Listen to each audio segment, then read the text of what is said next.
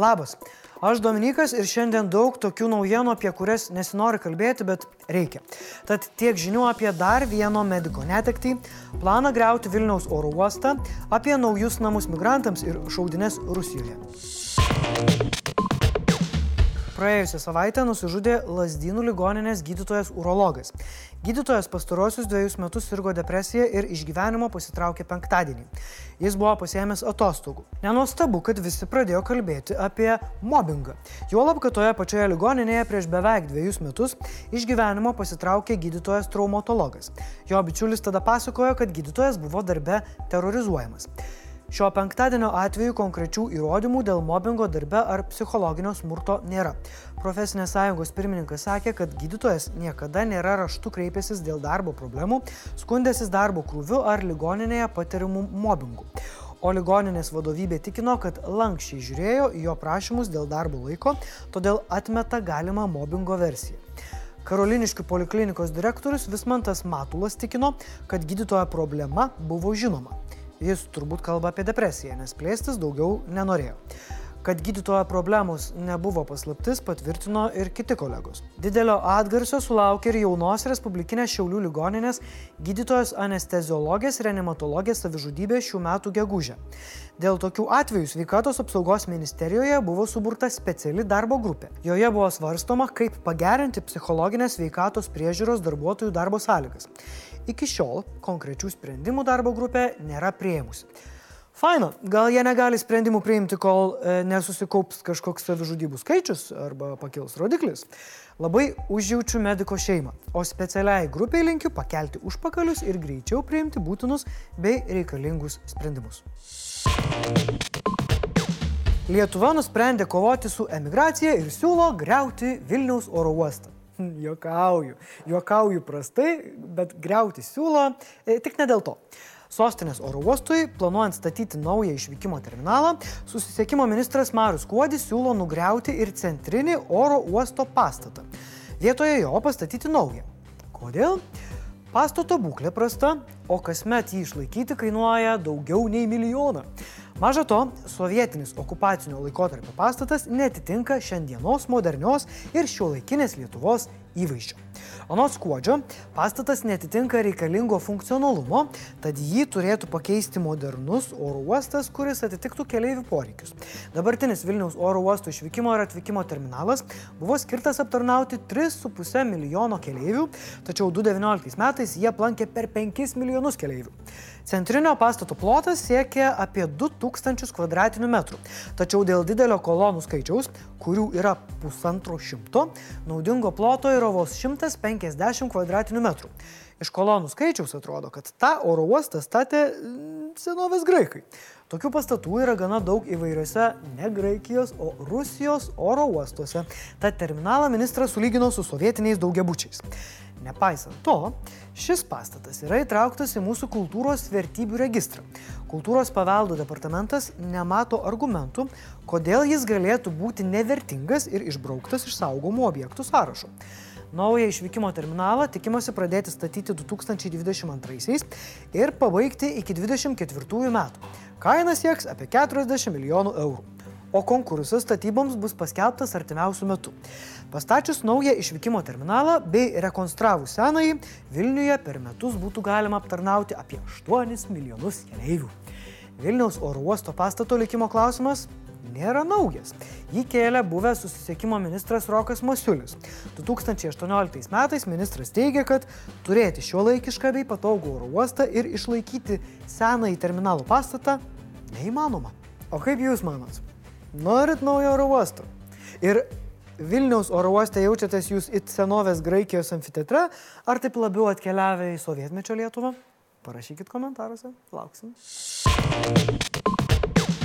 Vakar buvo užėjęs didesnis noras migrantams patekti į Lietuvą. Na, arba Lukašenkos režimo pakalikams pasitaikė darbingesnis sekmadienis.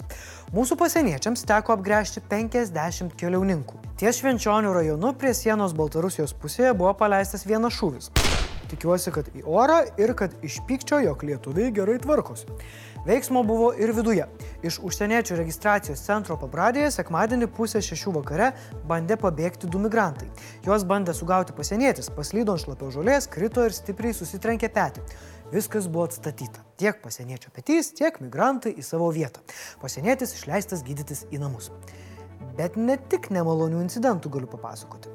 Kibartų pataisos namai ėmė ir pavirto Kibartų užsieniečių registracijos centru. Dieve, aš negalvojau, kad vienintelė pozityvi naujiena bus šiandien apie migrantus. Čia jau perkelti pirmieji migrantai, o iki spalio pirmos sugužės visi migrantai iš Rūdninkų palapinių miestelio. Iš viso tilps iki 700 žmonių viešpatė, kaip jiems šį savaitgalį ten šalta turėjo būti. Uf. Projektas buvo įgyvendintas rekordiškai greitai, vos per kelias dienas. Niekas iš jūsų nesitikėjo, kad per keletą dienų iš kalėjimo departamento pareigūnų tapsite pasieniečiais, netgi uniformos dar nespėjote pakeisti. Buvusių pataisos namų teritorijoje yra šildymo sistema, thanks God, elektra, interneto ryšys, tiekiamas vanduo ir karštas maistas, veikia medicinos punktas, įrengta biblioteka, amatų centras, maldos kambarys, treniruoklių salė, futbolo stadionas ir net krepšinio aikštelės. Kibartuose bus apgyvendinami tik vyrai. Jie bus paskirstyti pagal tautybę ir tarpusavyje nesimaišys. Gyvenvietėje patruliuos papildomos policijos pajėgos. Beje, dalis darbuotojų iš kalėjimo departamento darbuotojų taps pasieniečiais. Nežinau, ar čia gerai ar blogai, kad žmonės darbą išlaikė, tai gal gerai, bet tikiuosi, kad nemarozins kaip zonai. Hm? Didelė tragedija sukrėtė Rusiją. Ir ne, kalbėsiu ne apie Dūmos rinkimus. Prieš piet Permės miesto valstybinėme universitete nežinomas asmuo pradėjo šaudyti. Universiteto vadovybė paragino mokyklos komplekse buvusius žmonės evakuotis arba užsirakinti. Nepaisant to, žuvo mažiausiai šeši žmonės, dar per 20 sužeisti. Dalis susižalojo bandydami pabėgti pro langus. Valstybinė žiniasklaida parodė mėgėjišką medžiagą, kaip pranešama nufilmuota per išpolį. Universiteto miestelio gatve eina ginkluotas asmuo, dėvėjęs juodą karišką aprangą ir užsidėjęs šalmą. Kaip įtariama, šaudinės įvykdė šios mokslo įstaigos 18-metis studentas. Reuters praneša, kad žudikas prieš nusikaltimą savo socialiniuose tinkluose pasidalijo žinia, kad planuojamos šaudynės neturi nieko bendro su religija ar politika. Apie išpolį jis galvoja jau ilgai. Pranešama, kad sulaikant jaunuolis buvo sužeistas. Nors Rusijoje tokie įvykiai yra gana retas atvejis, pastarasis toks aukų pareikalavęs išpolis įvyko šių metų gegužę, kai 19 metų šaulys ėmė šaudyti savo senojoje mokykloje Kazanės mieste. Blitz naujienos. Rusijoje baigėsi rinkimai į valstybės dūmą. Lietuvos politikai juos vadina aišku farsu. Prezidentą Vladimirą Putiną remianti vieningoji Rusija po rinkimų išsaugos parlamentinę daugumą. Rinkimus temdė valdžios susidorojimas su politiniais kitaminčiais.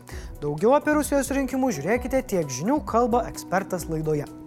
Sostiniai centralizuotą šilumą tiekiantis Vilnių šilumos tinklai teigia, kad šilumos kaina ateinant į šildymo sezoną gali išaukti daugiau nei 60 procentų, palyginus su praėjusiu šildymo sezonu. Daugiau nei pusė namų šildymo sezonui dar nėra pasiruošę. Ispanijos Kanarų salose išsiveržė Kumbre Viejos ugnikalnis. Vulkanas spjaudė lavą, pelinus ir didžiulius dūmų debesis. Sunaikinta apie šimtą namų. Apie 5000 gyventojų turėjo evakuotis. Ankstesnis šio ugnikalnio išsiveržimas įvyko prieš 50 metų. Į Emmy televizijos apdovanojimų ceremoniją Los Andželė pirmą kartą per dviejus metus gyvai susirinko televizijos žvaigždės. Serialas apie Britų karališkąją šeimą Karūna triumfavo dramos kategorijose ir platformai Netflix pelnė pagrindinį vakaro prizą. Netflix laimėjo ir geriausio miniserialo apdovanojimą už karalienės gambitą.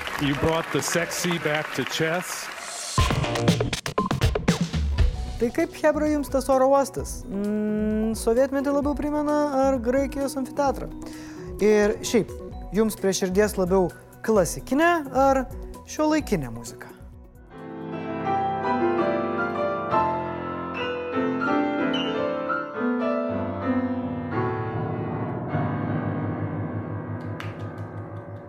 Ai, tokia diena, žinot, tikiu, kad rytoj bus geresnė. O šiandien tiek žinių.